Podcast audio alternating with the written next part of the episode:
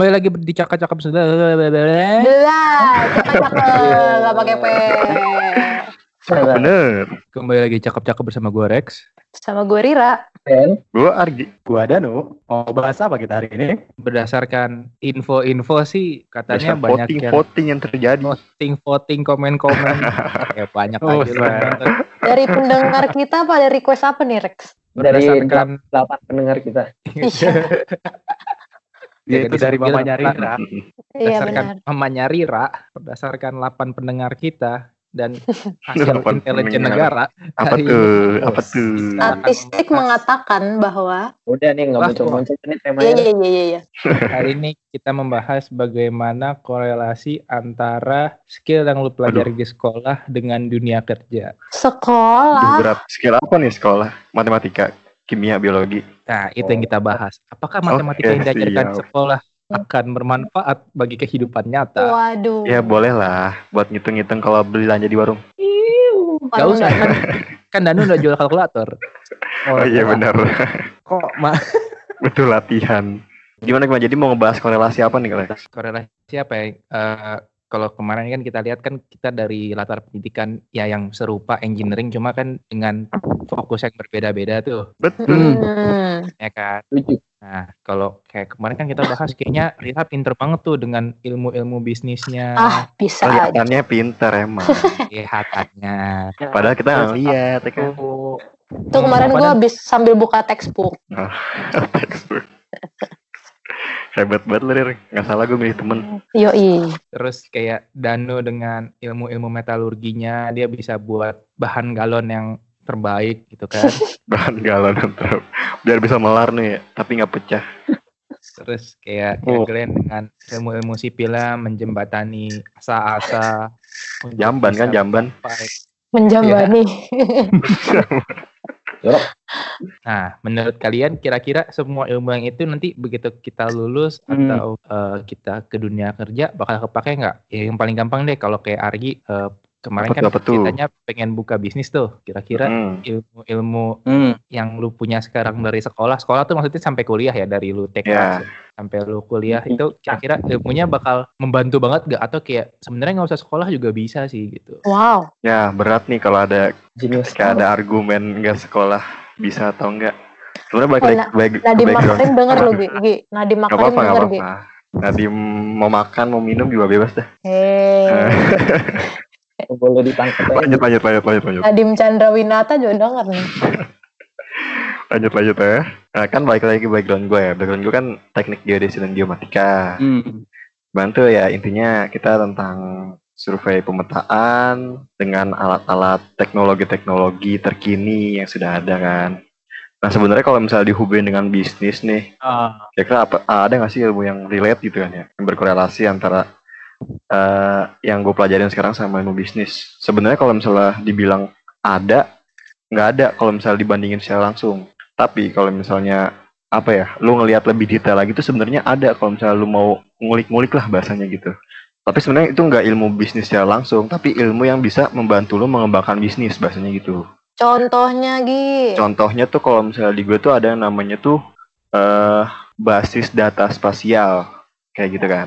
Nah itu tuh sebenarnya kita kita membuat apa ya sebuah basis data yang berisikan mengelompokkan data-data gitu Mhm. leh intinya ya kan. Nah itu tuh gue juga sempat mikir kan ini gue kan emang dari awal kuliah tuh emang udah berpikiran bisnis ya kira-kira dari matkul yang ada di gue sekarang nih apa nih yang bisa gue kembangin ya kan. Terus ya udah, gue Oh. kepikiran nih, oh nih dari basis data nih gue bisa memanfaatkan ini dari buat nanti kira-kira misalnya kan kalau bisnis lu punya ini kan apa namanya punya market-market tertentu kan, gimana caranya nanti buat strategi marketingnya, buat target market itu sebenarnya gimana sih orangnya, terus kira-kira mereka tuh kapan eh, eh, ampuhnya gitu bahasa buat lu market melakukan marketing gitu kan, nah itu semua tuh Mm. lu bisa dilakukan dengan cara statistik. Nah dari hasil statistik itu nanti dibuat basis data. Nah itu bisa gue bisa dari hasil pembelajaran yang gue pelajari seperti itu. Contoh lainnya misalnya kan kuliah gue tuh memakai teknologi-teknologi gitu kan. Nah kalau misal lu ah, kalau misal dia mau ngelihat peluang tuh eh, bisa juga nih kita sebagai eh, distributor alat. Di mana tuh alat itu super duper mahal cuy. Hmm. bahkan tuh buat satu alat biasanya tuh yang buat lu kalau di jalan-jalan tuh ngeliat orang-orang ngukur ya kan? Ah, nah itu tuh satu alat tuh bisa jutaan puluhan juta gitu deh. Bahkan ada alat buat survei di laut tuh ada yang harganya sampai 25 miliar satu alat Wih. alat buat ngukur apa tuh Gi? ah ya buat ngukur Volume. salinitas air laut, densitas gitu-gitu deh. Buat hubungannya sama pemetaan ini apa namanya permukaan dasar laut Hmm. gitu-gitu kan. Nah itu sebenarnya balik lagi ke kitanya mau ngelihat sisi positif dari apa yang udah kita gelutin sekarang atau ya udah bahasa ada orang ada biasanya orang ada alasan kan kayak oh salah jurusan nih gua kayak gitu-gitu. Nah tapi gue sebenarnya juga awalnya nggak pengen masuk geodesi cuma gue tidak Pengennya mau masuk apa, Gi? gitu. Ah. Kedokteran. Ah, Gimana? agak Jadi jauh ya beloknya ya. Tersasar ya. Ya udahlah. Ini kan namakan jalan Tuhan. Nikmatin aja udah. Oh. Itu sih kalau gua. Hmm. Gitu. Kalau Glenn gimana Glenn? Kenapa tuh? Oh, kok kenapa nggak fokus kayak Lu dengerin tadi? gak sih? Dengerin, dengerin, dengerin. Ini Ya udah soal kita lanjut. Kerira, kerira, kerira, kerira. Bagus Danu, gue suka lu episode ya, kali Glenn? ini. Kayak lu suka semua episode dari Eh, iya emang. jadi dari tujuan deh. Oke, gue dulu nih. apa tuh apa tuh? Nah, kalau tadi Argi merasa agak-agak salah jurusan, nah gue gue termasuk orang yang beruntung nih kalau gue masuk jurusan yang emang gue suka banget. Jadi pas Uh. pas dari awal masuk justru gue nggak Ya, nggak tahu-tahu amat nih sama jurusan eh, engineering management. Dia baru ada 2009 kan. Terus kayak, Hmm. ini apa ya? Eh, kok baru terus namanya lucu kayak Namanya lucu. engineering tapi management management gitu. Oke oke. oke. Terus pas gue lihat silabusnya kayak, ih menarik. Dia belajar teknik juga, belajar eh, ekonomi-ekonomian juga, belajar bisnis juga. Pokoknya semua dipelajari Oke. nama jurusan ini. Tapi kayak sedikit-sedikit tapi banyak yang dipelajarin gitu. Belajar ngaji nggak dia? Oh iya, man- mandiri, otodidak, otodidak. Atau diindak. Nah, terus habis itu setelah gue ikut, eh setelah gue masuk jurusan ini justru gue tambah suka sama semua pelajaran yang ada. Karena gue tahu nih kayak misalnya gue ngobrol sama orang mesin gue nyambung. Kayak oh nanti kalau bikin barang ini pakai mesin ini mesin ini mesin ini. Terus Hmm. spesifikasi boltnya gini nutnya gini gue nyambung. Ntar gue ngobrol sama orang material gue nyambung. Oh gue pengen material produknya tuh eh, apa namanya besi yang punya kekuatan segini strength strain segini gitu. Ntar Oke. ngobrol sama orang ekonomi gue juga nyambung kayak oh nih bisa nih dijual dengan kira-kira profit sekian eh, balik modalnya setelah berapa lama gini gini gini. Nyambung sama orang marketing nyambung. Jadi gue bisa ngobrol sama semua orang tapi ya gitu dikit-dikit doang Hmm. Nah, jadinya sebenarnya nanti setelah dari jurusan gue itu lulus, Ana bisa jadi marketing, bisa jadi sales, bisa jadi production, bisa jadi supply chain, pokoknya bisa ke mana-mana karena kita emang sebelajar semuanya itu gitu. Tapi itu ada plus minusnya sih sebenarnya, karena lu ngerti tapi nggak dalam-dalam amat, jadi lu nggak punya spesialisasi sendiri gitu. Oh. Merendah emang dia Rama. Iya, Berarti berarti dalam lu rendah, sebenarnya. emang rendah. Rendah dalam dalam arti yang sebenarnya sih. Iya, 152 aja cukup. 152. gitu tapi kalau kepake apa enggak sih gue percaya kepake banget karena emang ya itu tadi bisa ngobrol ke mana-mana terus Hmm. diaplikasiin di misalnya lo mau kerja jadi banking bisa lo mau kerja di manufaktur kayak di pabrik Astra Toyota bisa lo mau jadi Gokil. marketing Emang sales bisa gitu Mahira manusia serba bisa. Jadi yang mau Iya. masuk ITB masuk engineering management guys Ya jangan lupa, Mantap. jangan masuk geodesi. lu merendah sendiri sih. Ah, kan biasa gitu. Kalau jalan-jalan di-help. jadi kepo. Nggak itu ilmu marketing Siap. yang gue dapat dari pembelajaran semua. Ah. Kak Prodi udah nge-WA belum? Nelpon, Oh, udah nelpon. ngajakin Siap. Skype juga. Cuma gue bilang lagi bikin podcast, sabar. Wih. kita undang aja apa Prodi Geodesi Jangan, Udah dikejoin lagi jadi berenam. Lu promosiin gak ke dia? Udah, Lu udah. promosi. Cuma nggak tahu dia denger apa enggak. Ya.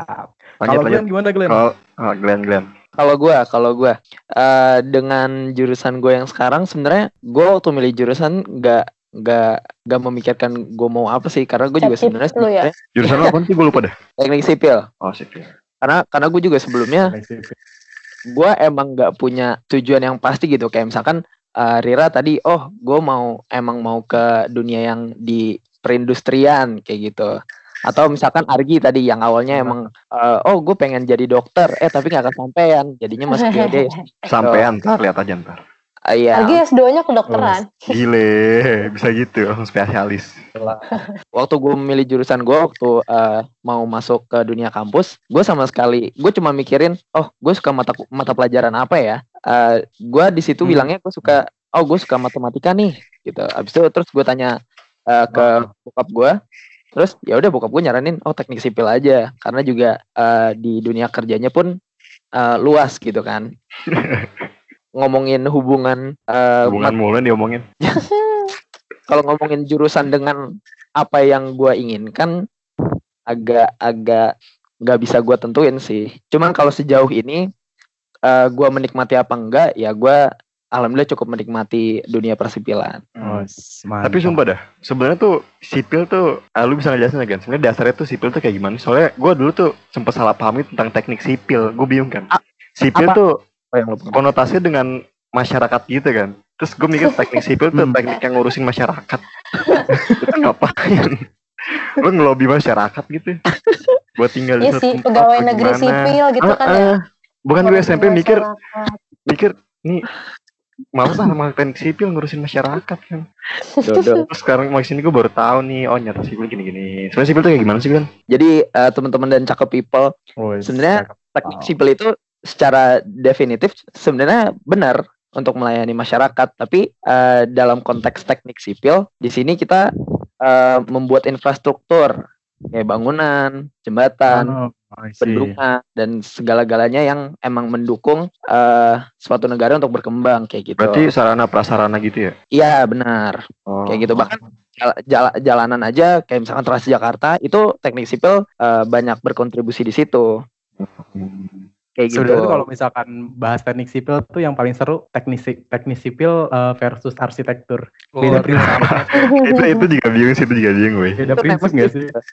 Banget beda prinsip banget karena arsitektur maunya tuh Wah, banyak gila. mau ini Betul sekali. Ah, gue teknik sipil ngitungnya bingung Nah, yang teknik sipil ngitungnya gampang, arsitektur nggak mau cuma kotak soalnya. Nah, bener, bener. oh, nggak ada Jadi berantem. gitu gimana kalau kalau Danu gimana nu oh, anak siap, metal siap. banget kan lu nu tahu banget kan ini metal gua- banget gila Gua kalau sampai salah ngejelasin bisa habis gue nih. Bis lah.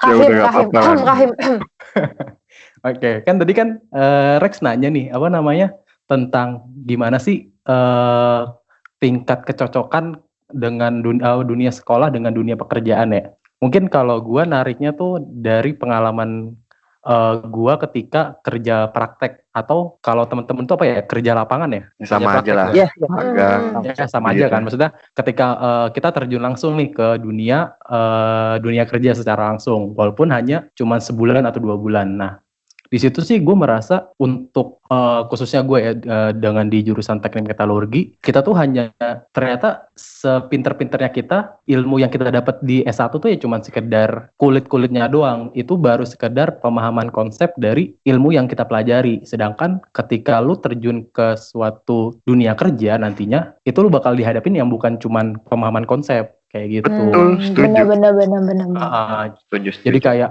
lu cuman dijari nih, oh ini A, ini B. Ketika di dunia kerja A kuadrat tambah B kuadrat bla bla bla bla panjang. Jadi kayak lebih banyak lagi kan kayak gitu. Karena ini gak sih? Karena lapangan lebih dinamis gitu gak sih? Iya betul. Dan yang ibaratnya kita kayak punya teori-teorinya tapi gimana cara nerapin tuh teori itu beda lagi iya Iya, pasti betul. ke lapangan Heeh, dan yang sejauh ini gua pahamin ya, untuk tingkat S1 itu memang sebenarnya yang menjadi target bukan pengetahuan keprofesian yang sebenarnya ditargetkan, tapi sebenarnya adalah pola pikir keteknikan yang dikejar sebenarnya. Karena Wow, kan eh, kayak kita belajar matkul tertentu ya cuman sekedar satu semester, udah habis itu nggak nggak mempelajari lagi kan. Sedangkan itu ya baru pendahuluan-pendahuluannya, kayak gitu sih. Jadi ya Mhm. kalau ditanya dari tingkat kecocokan, alhamdulillah cocok dan gue merasa sangat nyaman sih dengan eh, jurusan dan eh, prospek dunia kerja yang nantinya bakal gue jalanin sih, kayak gitu. jadi lu mantep mau kerja di bidang metalurgi nih no Nah, Sejauh ini ya, kalau di di di skala satu sa- dari 0 sampai 100, 100% sih gue yakin sih. amin. Oh,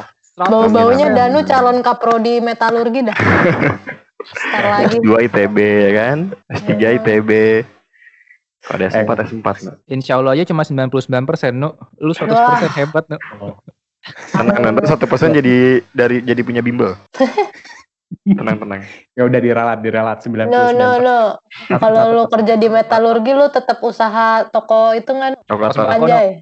Kan cita-cita lu tuh, Oh. Oh, punya iya. toko sembako, nu. Oh, Sedap. oke. sembako Ah, kalau ngebahas gitu kan ya, gue merasa dunia kerja gue bakal mendukung ketika nantinya dunia kerja yang gue ambil adalah di sembako sektor eh, pertambangan. kenapa tuh Karena kan kalau bagi eh, eh, cakap people yang belum tahu nih, kan teknik metalurgi itu kan satu bagian dengan teknik pertambangan dan dia tuh sektor kerjanya dari hulu sampai hilir nih.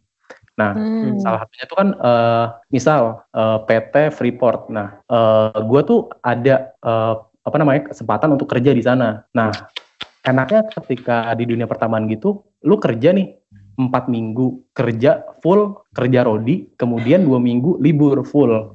Dan menurut gue Hmm. Di fase umur dari 20, 22 sampai 30-an atau 27 itu sangat cocok sih untuk tipikal gua. Karena menurut gua ya kenapa kenapa enggak gua untuk kerja keras untuk kerja rodi diri gua sendiri. Kayak gitu sih kalau gua ya. Iya iya iya. iya. Berarti gajinya bukan bulanan dong, Nu. Gajinya tetap dihitung bulanan. Tetap bulanan ya sih.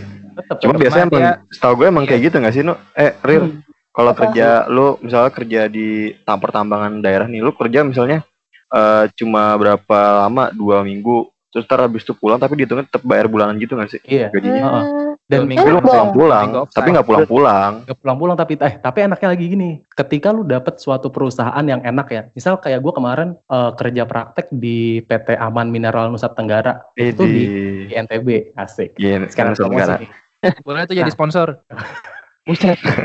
Buset. mohon maaf agak kencang ya prom- eh, sponsornya ya langsung pergi haji gitu ya Gaji.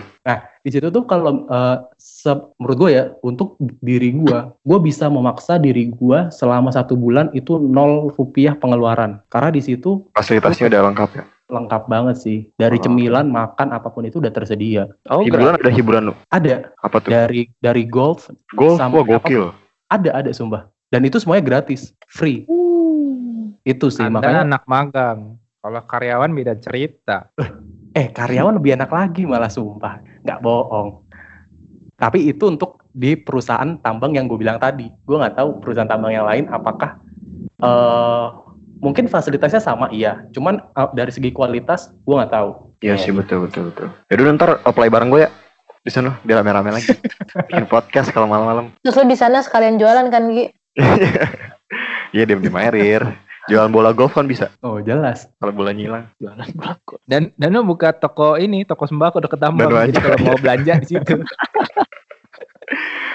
Orang dalam semua pakainya. Kalau lu Rex gimana, Rex? Ah iya kalau sendiri gimana? ini kan yang paling banyak pengalaman kerja nih, kita lihat-lihat. Iya. sedap sedap enggak lah pengalaman kerja gue masih dikit Gimana, jadi gimana? ya sepenglihatan gue ya karena gue kan sebenarnya masuk tadinya SMA tuh gue suka kimia sebenarnya cuma gue galau kan kayak kalau kimia gue ambil metalurgi karena ternyata teknik kimia tidak ada kimia kimianya kan dia proses proses Misleading, misleading. kan ya misleading namanya berbahaya itu yang banyak kimianya metalurgi katanya terus gue galau kayak milih metalurgi atau elektro ya. Karena maksud gue eh, mata kuliah yang gue suka adalah kimia. Tapi eh, gue suka bekerja dengan audio. Jadi kan yang paling dekat dengan audio adalah teknik elektro kan. Karena Ah. processing gitu kan. Jadi kayak eh, dan alhamdulillah setelah gue lihat-lihat yang ini ya anak SMA kan pasti nyari-nyari passing grade gitu. Elektro lebih Hmm. tinggi gue masuk elektro sepanjang pinter banget lihat lihat. enggak lah lihat lihat dikit lah. Ngiri jadi kayak setelah masuk elektro gue kan udah ada basic kayak eh, tahu kalau di audio tuh kayak signal flow cara konversi dari suara jadi elektris processing processing sinyal elektris yang gitu-gitu. Gue ada lah basic-basicnya kan. Dan Hmm. sejauh gue belajar di elektro sih jadi lebih kayak in depth dan yang paling lucu tuh kalau lagi belajar terus kayak misalnya nih kayak waktu itu gue belajar soal sinyal dan sistem. Terus kayak wah ini mata kuliahnya menarik kayaknya nih ini akan membantu sekali buat perjalanan pekerjaan audioku gitu kan ternyata enggak gue pusing karena terlalu teknis. Itu yang sering terjadi. itu matkul gue yang ngulang sekarang memang menyedihkan. Tapi ternyata setelah gua lihat lagi, oh ternyata ini jadi eh, fondasi apa yang gua cuma mengerti di lapangan. Jadi kayak misalnya nih, misalnya ya, kalau cakep people Hmm. ada yang ngerti audio, kayak eh, EQ itu kan mengubah frekuensi respon frekuensi dari suatu suara. Intinya lu tahu kan yang EQ EQ yang kalau orang-orang suka soundcheck itu yang lo lo ho. Iya, Gue taunya ISQ, Rex. Gue tanya IQ ya. Nah, itu yang di EQ EQ gitu, treble-nya, bass-nya. Nah, gua ngerti maksudnya eh, processingnya jadi kayak oh ini berarti yang frekuensi rendahnya dihilangin yang frekuensi tingginya diinin diinin tapi di balik itu secara elektronik dia bekerjanya gimana nah itu yang gue dapetin di kampus Hmm. Iya, kalau iya, dibilang ngerti, kepake dibilang kepake sih enggak tapi kalau gue mau mengembangkan EQ ini Konsepnya lo mengerti lah ya. konsepnya gue dapet konsep dasarnya nah Betul betul betul betul. betul. It- tapi yang gue sadari satu lagi adalah eh, semua sekolah lu tidak mengajarkan soal eh, profesionalisme, hubungan bekerja. Kalau kayak tadi Nah.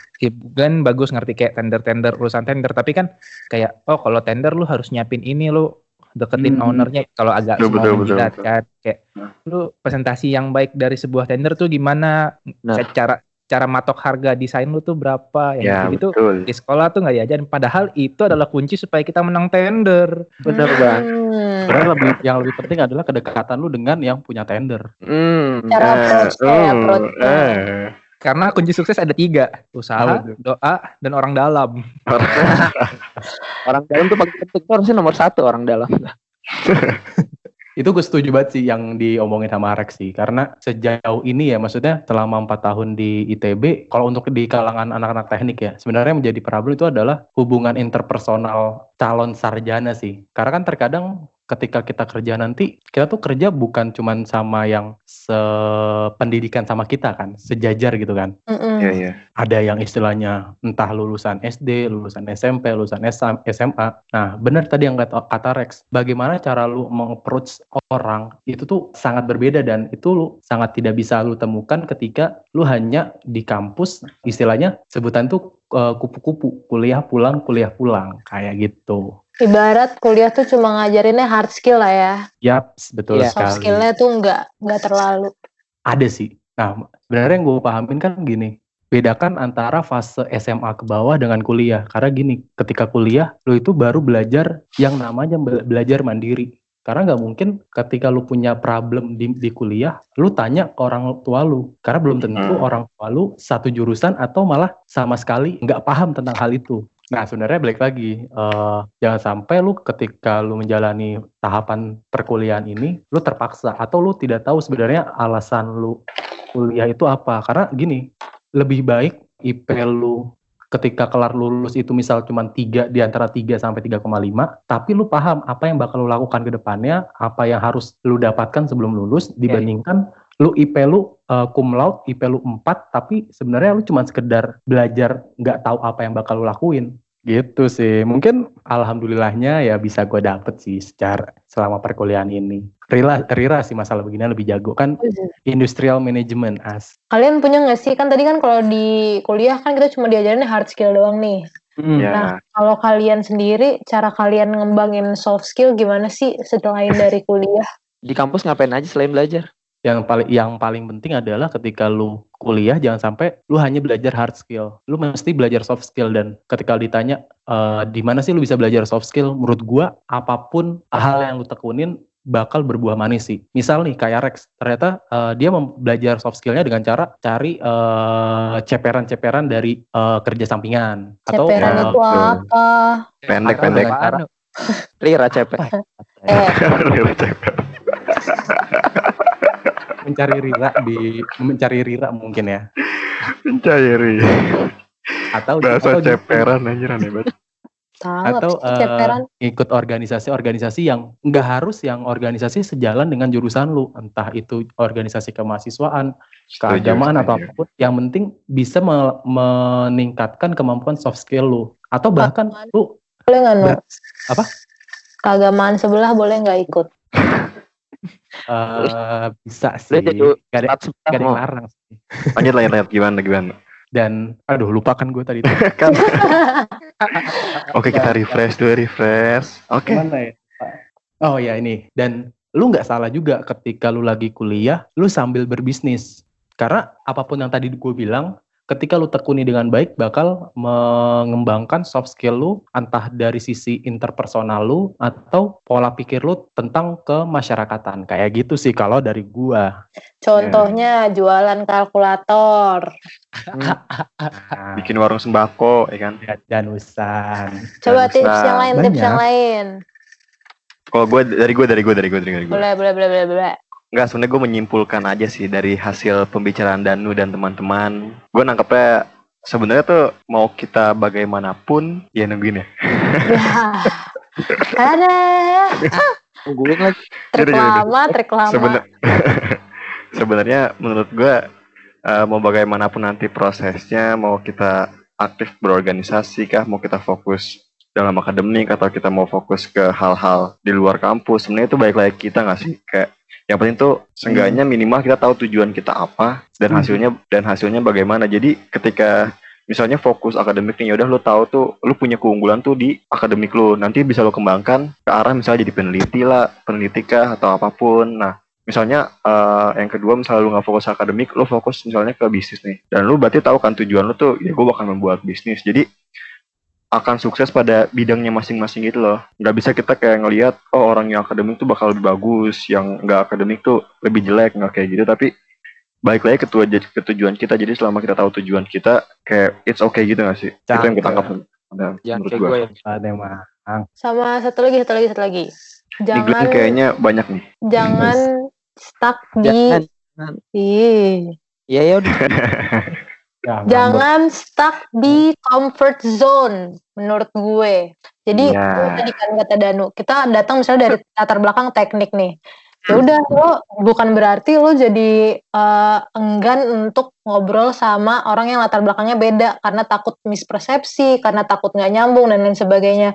Kadang-kadang tuh cuma di pikiran lo aja kalau misalnya lo berani keluar dari comfort zone lo itu lo coba connect ke orang-orang lain justru itu malah bisa jadi lo dapet pendapat baru bukan cuman Betul sekali. pandang anak teknik doang gitu Betul, sih. betul, betul, betul. Jadi jangan jangan jangan stuck di comfort zone lu lah Eh, coba keluar sedikit pelan-pelan lama-lama lo bisa lepas dari comfort zone Dan jadi comfort zone lo yang baru ya sih?